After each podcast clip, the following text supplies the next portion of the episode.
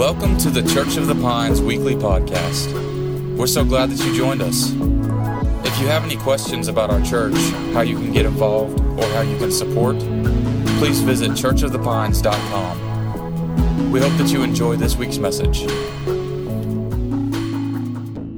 Well, you can open your Bibles if you want to to uh, Proverbs chapter 29. That's going to kind of be our theme verse.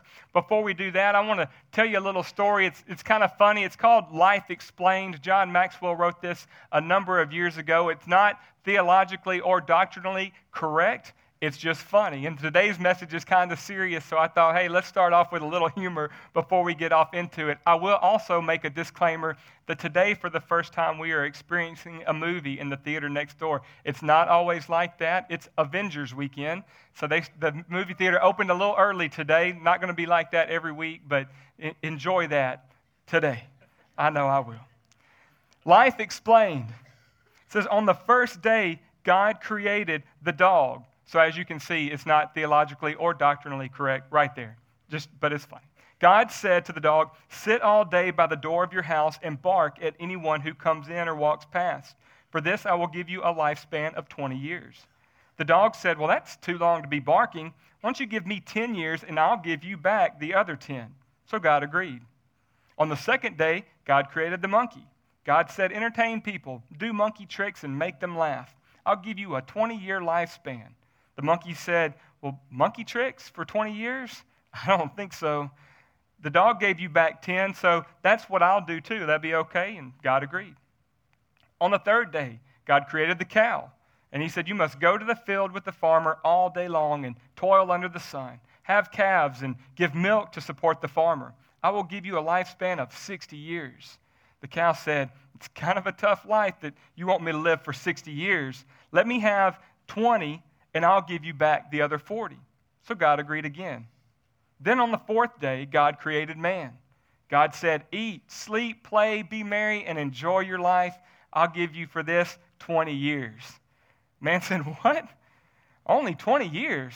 He said, Tell you what, I'll take my 20 and the 40 the cow gave back, the 10 the monkey gave back, and the 10 the dog gave back, and that makes 80. How about that? That'd be okay? And God said, okay, you've got a deal.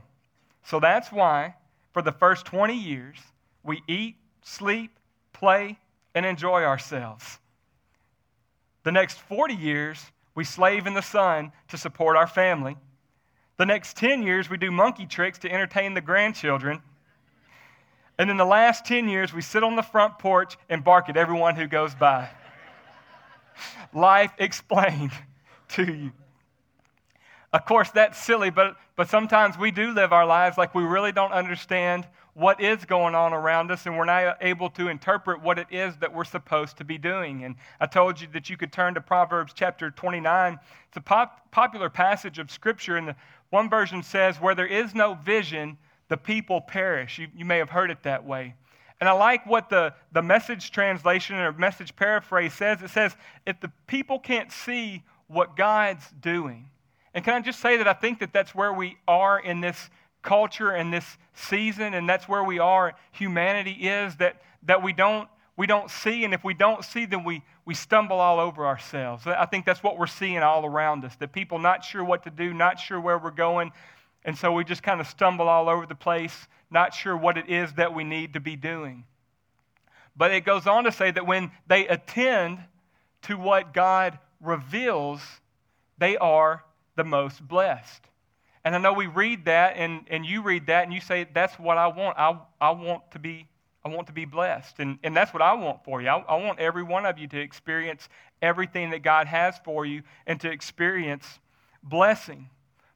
But as the scripture points out, that if we if we can't see what God's doing, then we will just kind of run to anything else. We'll begin to settle for a counterfeit. We'll, we'll begin to settle for something less than what God really wants for our lives. And I think that that is all too fast the trap that we fall into is we fall into the counterfeit. Jesus said, I've come to, to give you life and life to the full because the enemies come to steal, kill, and destroy. And if not, we're not careful, we'll begin to fall into a counterfeit kind of life. And a counterfeit plan, the plan the enemy has for you, looks like this. It looks like no, know me.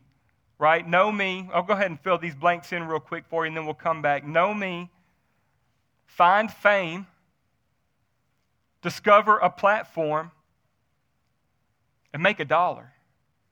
I think that's what culture leads us to, especially in this social media driven age that we're in, that it's so everybody's jockeying to get themselves out there in front of people. Know me, know who I am, know what I got going on, and, and I want to find fame. I, there's a statistic out there that over 40% of, how many? Around 40% of millennials actually think that they are going to be famous. My daughter's 11 years old. I think there is a deep down but she thinks that through social media and YouTube that she's going to be famous one day. So there's this drive to find fame. To I got to get my platform. I got to I got to get that place for me so everybody knows who I am because I want to make a dollar, right? That's that's what it's all about to make some money. But I think many of you have probably already experienced the the fruit of that, and I think the fruit of that in most ways is a miserable life. That when it's all about me, it's all about what I got going on, it's all about what I need that ends in misery. But I'm here to tell you today that God has a better plan for your life. And when you look throughout the Bible, you can see that for each and every one of us, God has a journey set out in His Word. It's a pattern that you see multiple times from the beginning of the Bible to the end of the Bible, this journey that God has for you. And we can see it really clearly as early as Exodus chapter 6 that God has a plan for each and every person that he, that, he, that he loves, each and every person who calls him Lord, each and every person that, that would look to him. He has a plan and a purpose for your life, a journey that he wants to take you on. And I want to share that with you today. Really, it's the vision of our church. It's the foundation that we have built this church on, is the journey that God has for your life. And, and we're basing this What's Next series on a book that one of our pastors just released a couple of weeks ago called What's Next. Chris Hodges at Church of the Highlands in Birmingham, Alabama, just wrote this book, and we're going to share this book with you next week. Uh, we didn't have it, didn't come in this week.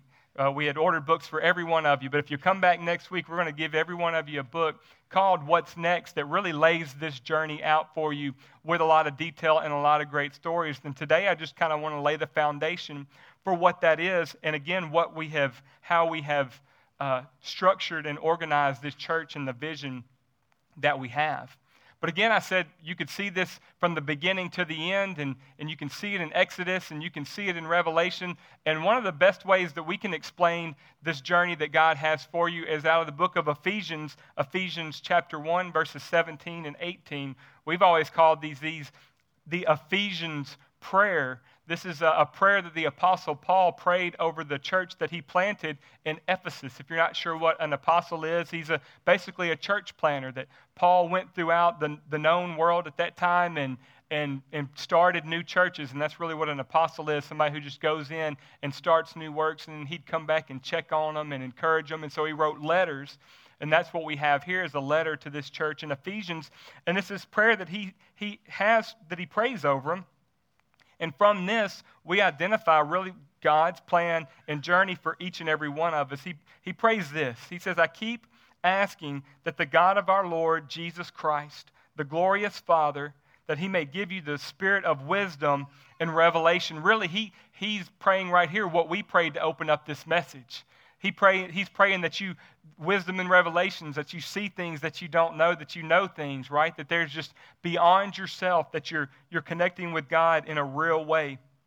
He says, wisdom and revelation, so that you may, number one, know Him better. He wants to know you. He wants to know you in a real, personal, and vibrant kind of way. So he prays that I know you better. And if you're taking notes, you can underline that know him. He said, And I pray that the eyes of your heart may be enlightened. Now, you all know that your eyes don't have, your heart doesn't have eyes, that your eyes are in your head. But Paul's identifying here that there is, there is something in our heart by which we see the world, by which we engage with everything that's going on around us. He, he's referring to, to kind of our spirit, he, he's calling it our, our heart eyes. He says, and he wants our heart eyes to be enlightened so that we may know the hope to which He's called you. Whether you know it today or not, God has called you to a hope, to a purpose, to a plan. Paul's praying that you experience that so that, and here's the, the fourth part and the greatest part, so that you can experience the riches of His glorious inheritance. That God's got something for you, and not only by yourself, but that you experience it in His holy people with a group of people. And where the world may have a, a counterfeit plan that says, Know me, find fame, discover a platform, and make a dollar, God's got a different plan. And whether you're new today to church, whether you just made a decision for Jesus last week, whether you've recently committed your life or recommitted your life to follow Jesus, or whether you have been following him for years, we all have a next step to take, and we are all on a spiritual journey. And today, I just want to take a minute and help us all take a step in that journey. And the first thing is where, where the world says to know me, God says, and what we find in Ephesians 3 is know Him. Know God. God's first step for you in this journey is to know Him. And maybe you're hitting here today and you're like Evan was in that video. Really, that's, that's my story too. And it's like you went through that process that maybe you went to church your whole life, or maybe you grew up in church, but you never really met God. You really just met your church. And you found out once you hit your 20s and once you got out on your own that you are a really good church member, but never really a, in a real relationship with God. Uh, uh if you're like me, you grew up and you grew up hearing, hey, commit your life to Christ you don't turn or burn. You know, you don't, you don't want to go to hell. I mean, you're like me, you're not stupid. We don't want to go to hell, right? So we, we make the decision, we walk the aisle and we pray the prayer, but never really connecting, just trying to, to skip out on, on a terrible eternity. But one of the most sobering passages in the Bible is in Matthew chapter 7. It's, it's something that we, I, I know that a lot of people wrestle with but Jesus said that not everyone who says to me, Lord, Lord, will enter into the kingdom of heaven, but only the one who does the will of my Father who is in heaven.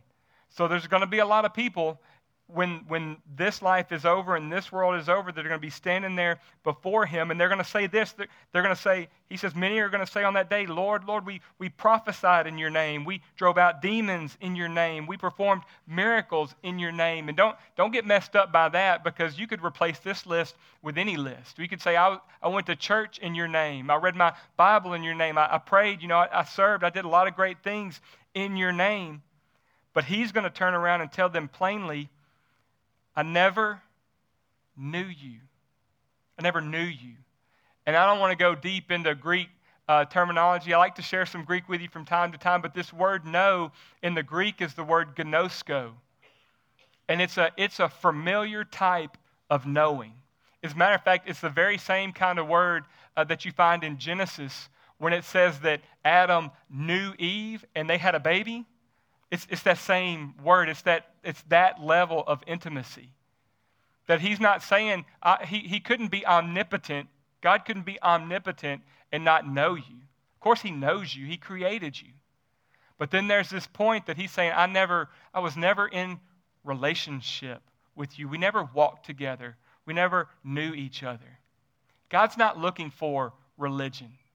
He's looking for relationship and all the good church attendance, and I'm glad you're here today, and I think church attendance is important. But all the church attendance and all the serving and all the small groups, none of that is worth anything if we, if we don't know Him, if we are not walking in a relationship for Him.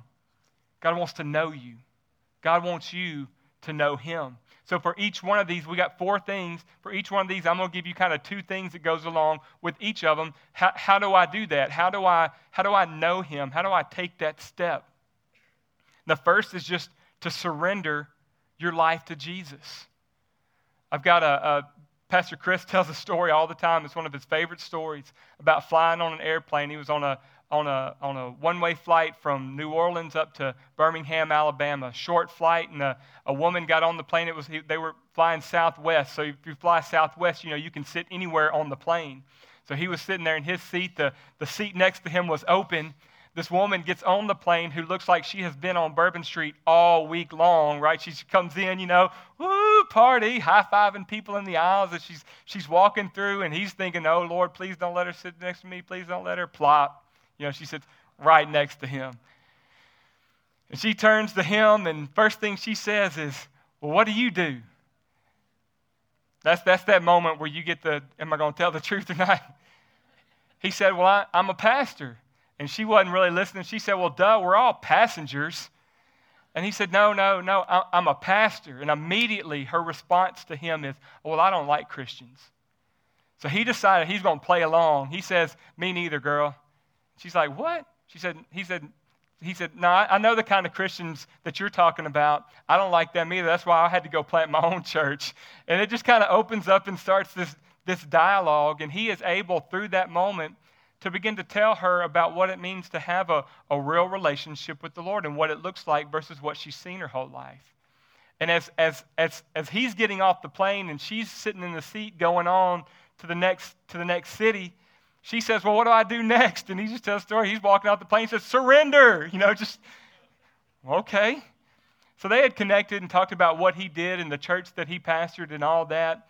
And he gave her his information. She watches the message emails the church that Monday and says, Hey, I just want to let you know that I watched your message and I'm ready to surrender. That's she, she I'm ready to surrender. They called on the phone, led her to the Lord over the phone, and they, her name's they, they call her Tanya. It's probably not a real name, but Tanya committed her life to the Lord, but she surrendered. That, that, that we've got this whole life that we live that we try, as Evan said, we try to do it our way, trying to figure it out on our own, and really a lot of times trying to run from the things that we've seen that we don't like. When really God's saying, hey, I just want to take you to a place right now, just like Pastor Chris led us in worship. Hey, let's just come to a place of surrender where I don't know it all. I don't have it figured out. I surrender my life to you. And really, if I could sum up salvation in one word, it would be that word surrender. Not my way, but your way, Lord. So, one thing is we can surrender. Another thing is just to make your relationship with God public. I think a lot of people grow up thinking that I'm supposed to keep this, this, uh, this, this relationship that I have hidden. I have my own personal faith, my own private faith. It's just between me and the Lord. And while that decision and, and, entering into that is, the, the Bible says that we, Jesus taught us that we should, have, we should live our lives as a light on a hill that people should see it. And one of the greatest ways to follow up with that decision and let everybody know that I'm a follower of Jesus is through water baptism. Really, that's what water baptism is. Water baptism is an outward expression of a decision that I've made on the inside, and now I'm ready to let everybody know it. And I think the third, the week after the last Sunday in May, we're having baptism service. So we'll have that up on our website. You can get signed up for that. Want you to get baptized. We want you to get baptized as quick as possible. Baptism doesn't save you, and a lot of people think that. Baptism isn't what saves you. Again, it's just the outward expression of what God's already done. We call it the, the wedding band of Christianity. That this wedding band doesn't make me married. It's just a signal to all the ladies out there that this guy right here is taken. You can't have none. I, I, right? That, that's what it is. That's water baptism. Baptism is the same thing. It's just letting the world know that I've made Jesus the Lord of my life. So you're to be a light on a hill. So we want to know God. That's the first step. And if you're here today and you don't know Him, I'm going to give you an opportunity today at the end of the service to step into that relationship and walk out knowing that you are walking in that relationship. So we want to know God. The second thing the world says, hey, find fame. God wants you to find freedom. He says that the eyes of your heart are enlightened. And many of you are here today and you've taken that first step. You've, you've made Jesus the Lord of your life, but now you're wondering why nothing's changed. Why, why isn't anything getting any better? And it's because you're still seeing things through the lens of your past. You're seeing things through the lens of your hurts, your mistakes, your issues. You don't see things as they are, you see things as you are. And so God wants to take you on a journey. First, in, you get in relationship to Him. You don't have to get it all right to come to Him. You come to Him to get it all right.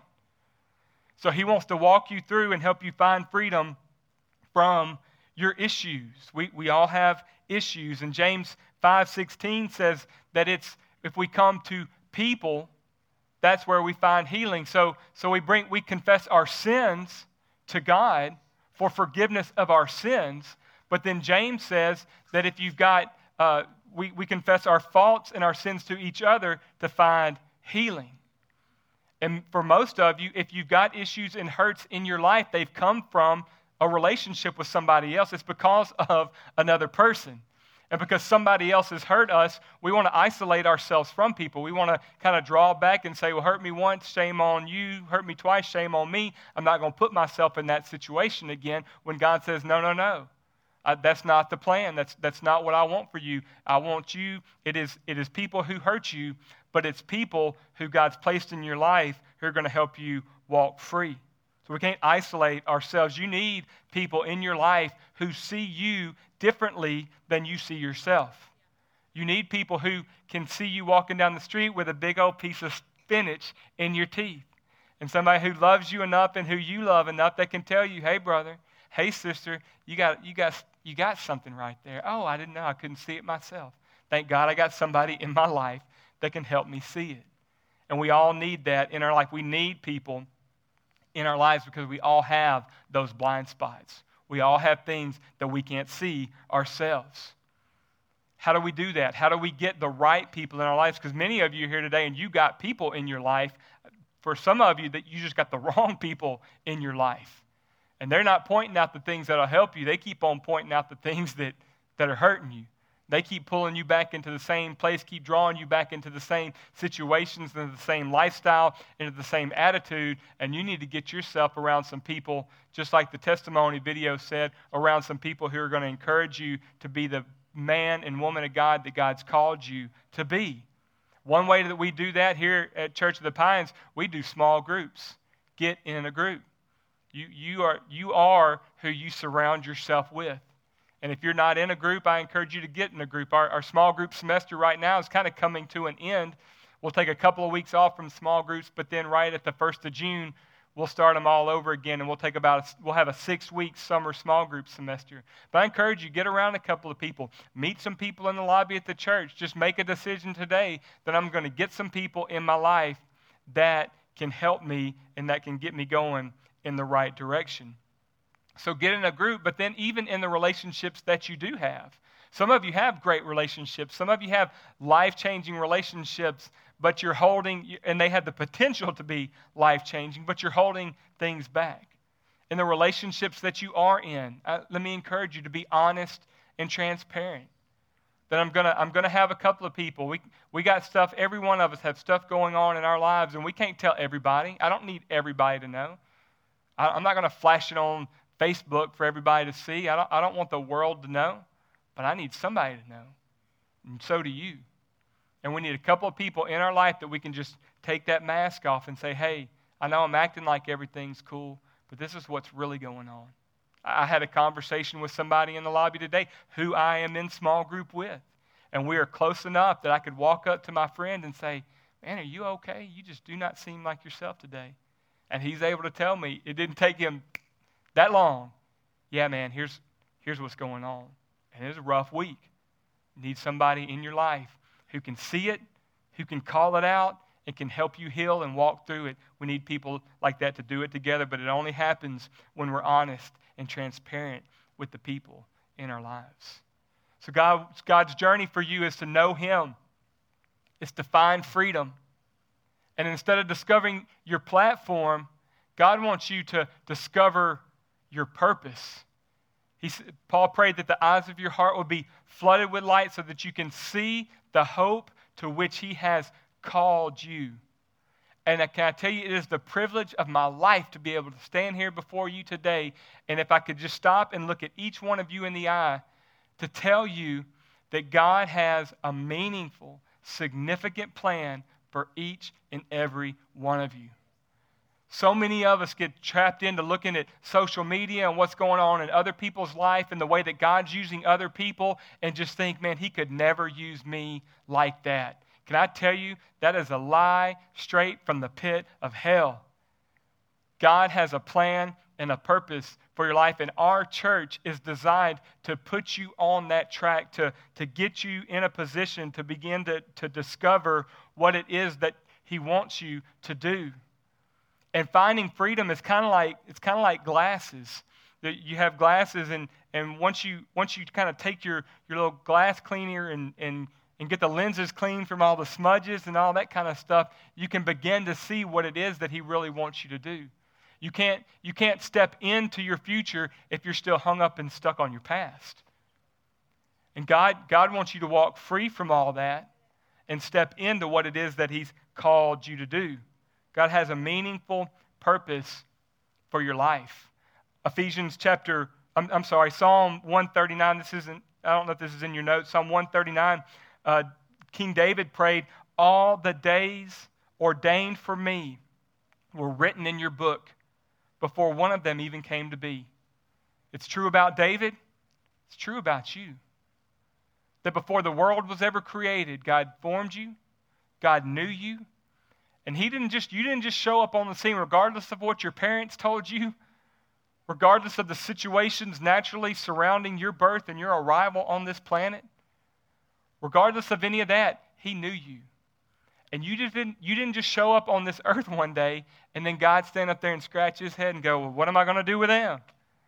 Oh, no. He knew you from the beginning. He had a plan for you at this time in this season. I tell our team all the time, I told them this morning, over 20 years ago, they built this movie theater. They had no idea that we were going to be holding church in here today. They had no idea that you were going to be here today. You didn't know you were going to be here today. I didn't know you were going to be here today. You know who knew? God knew. He's ready for you. We're ready for you to step into that thing and we want to help bring that out in you. We want to help help you discover why why it is that you're here.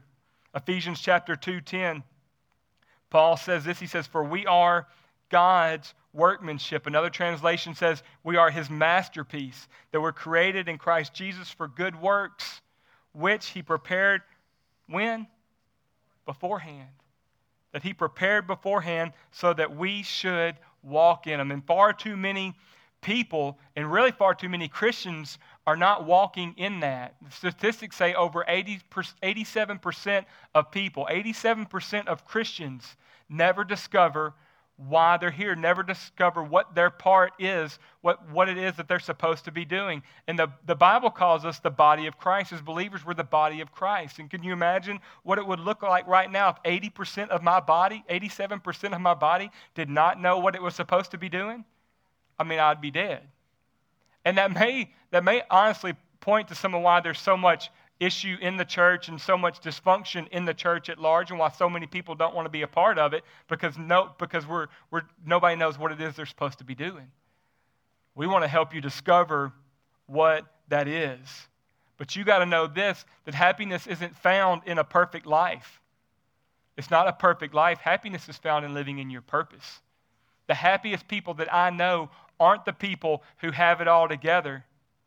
They're the people, the people I know who are the happiest have the same problems as you do. They just found something bigger to live for than their problems.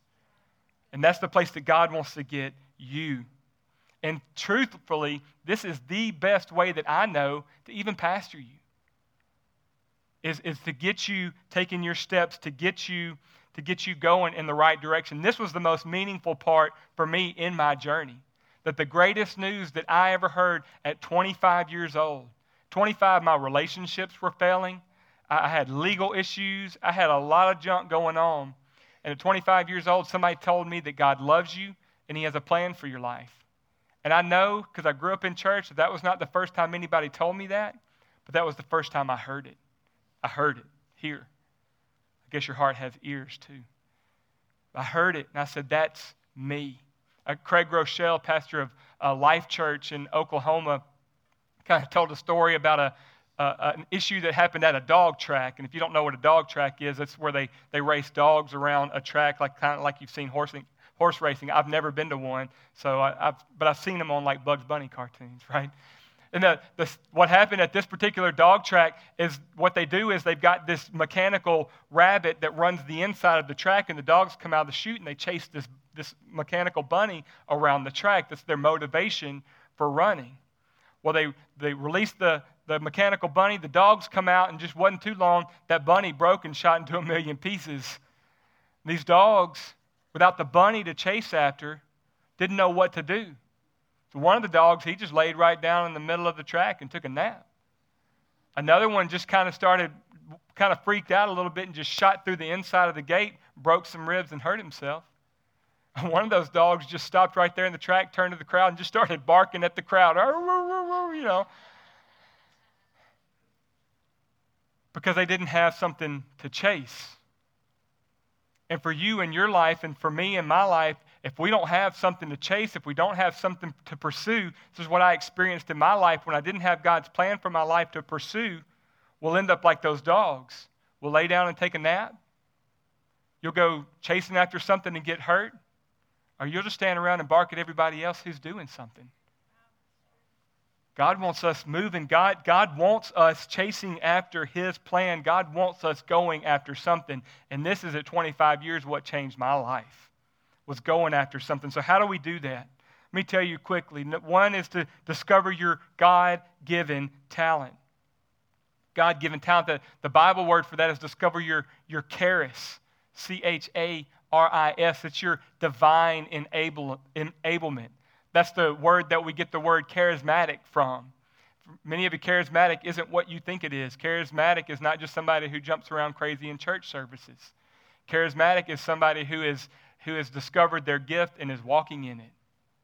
And God wants you to discover what that is. How do you know? This, this is what the 87% of people have never discovered. They've never discovered what that is.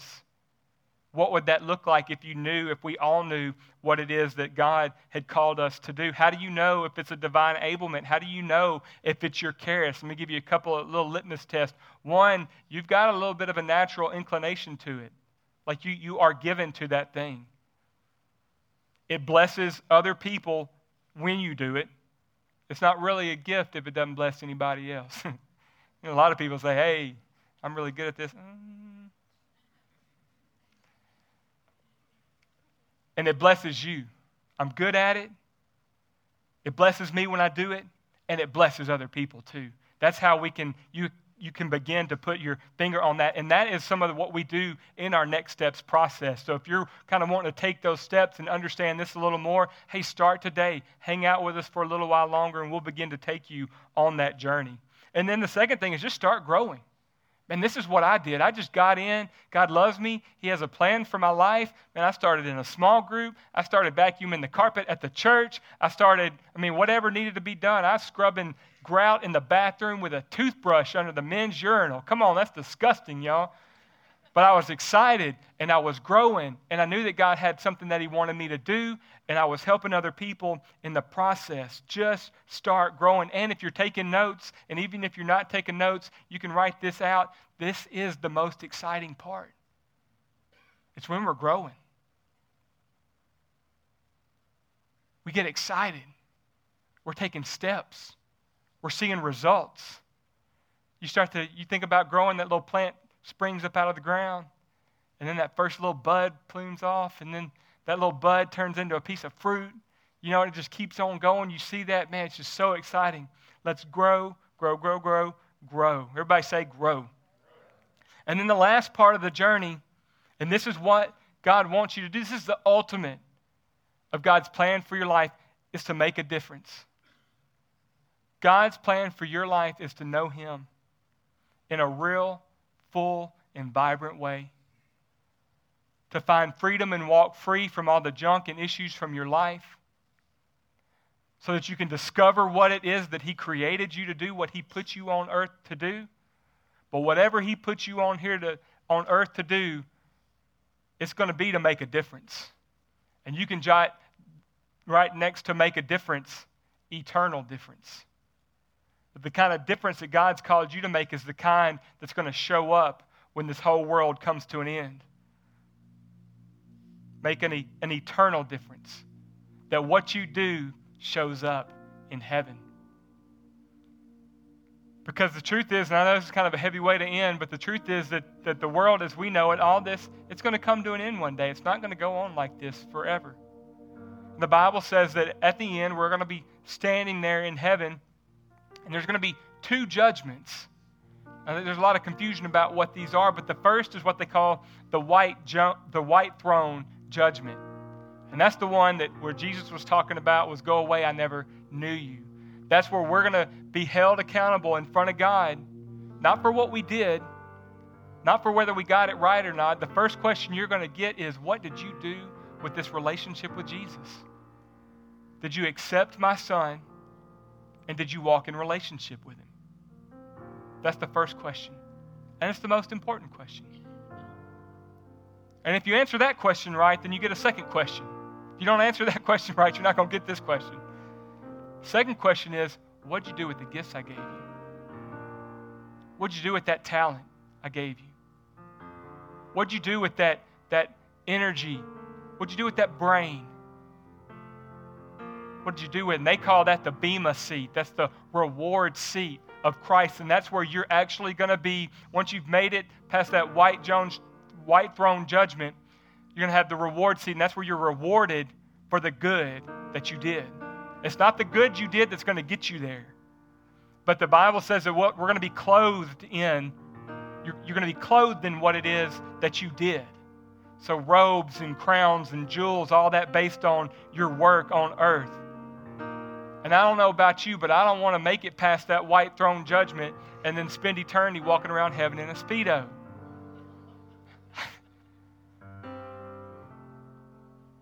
I want to get to the end and I want to hear what Jesus describes from my Heavenly Father is well done, good and faithful servant. Enter into my rest. And to be clothed in what it was that I did and the difference that I made and the eternal difference that I made right here on the earth. 1 Corinthians 3:13 says on the judgment day fire will reveal what kind of work each builder has done. That's what I've just explained to you. And the, the fire will show if a work, person's work has any value. And if the work survives, the builder will receive the reward. Come on, I'm your pastor. I want you to receive the reward. I want you to, I want you to make it to that place. I want you to be there. How do we do that? Number one, we make a difference with our time. What do we do with our time? You know, we talked about the dream team a lot. That's our, we don't like to use the word volunteerism around here, but I mean, that's what that is. It's a, it's a volunteer team that we're, we're making a difference with our time, that, that you are here and able to enjoy this service today from the time and the investment of people who came this morning at 7 o'clock to set it up. And, and we feed them donuts and kolaches. Can I tell you, Dream Team, there's a greater reward in heaven for what you do than donuts and kolaches. I'm just doing the best we can right now. But we do it with our time. What are you doing with your time? You can do it in the church, but you can do it on your job, like Evan talked about, that there's difference that it's made in his home and in his family, that I'm pointing people to Jesus with what I say or what I do. And then make a difference with my resources. God's given you gifts. God's given you finances. I mean, we're the, we're the wealthiest, the, some of the poorest people in the United States, in the United States are among the richest people in the world. God's given you resources. What am, what am I doing? Am I generous with what it is that God's given me? Am I generous with my, my talents? That I'm, I'm a musician, so I should be leading worship. Maybe, maybe thank God for our wonderful children's ministry a couple of doors down. They're doing great things, and, and God put something in you that connects with children really well. Are you using that resource for the kingdom for eternity? And as we close, I just want to ask you where are you on this journey? Where are you? Some of you, you got this relationship with the Lord and you're going there and you're spending time with Him, but you're still bound up. Can I tell you, get in a group? Some of you are in a group, some of you got it going on and you got these relationships, but you're really not involved. You're really not, you haven't found out what it is that He wants you to be doing. We want to help you take that step through our next steps. Some of you just need to use it. Some of you just need to take that step. Maybe you've been scared. Maybe you've been afraid. Maybe you're not sure what God's going to do. Maybe you're afraid if I step out and do this, God's going to send me to Africa. It's highly unlikely. You would have to have Africa in your heart for God to send you to Africa. He's not going to do that to you. What is it, though? But for some of you, today's your day. You just need to begin this relationship. So before we leave today, I'm going to ask everybody to bow their head and close their eyes. And if you were to walk out of this room today into the parking lot, and all of a sudden, and it's a kind of a harsh way of saying it, but I'm just I'm going to go there. If you walked out, all of a sudden your heart stopped, and you stepped into eternity. Do you know where you would spend it? We talked about heaven. We talked about God's reward. There's an opposite of that. There is a there is a real literal hell with fire and brimstone. Where would you go? Do you know why? There's some of you said, "Hey, I'd go to heaven." I feel pretty confident that I would go to heaven. Can I ask you why? Because some people think, "Well, I'm I'm United States, born and raised. I'm Americans, one nation under God, so I must be a Christian. I'm going to go to heaven because I live in the U.S. Some of you say, well, my grandparents took me to church my whole life, and, and I grew up, I sang in the choir, went to all the vacation Bible schools. I did all of that. So I'm going to heaven because of that. Some of you think, you know, the good in my life outweighs the bad in my life. I'm a pretty good moral person. And because of that, I believe I'm going to enter into eternity. I just I want to love you enough to tell you today that that's not what the Bible says. Jesus said that you must be born again.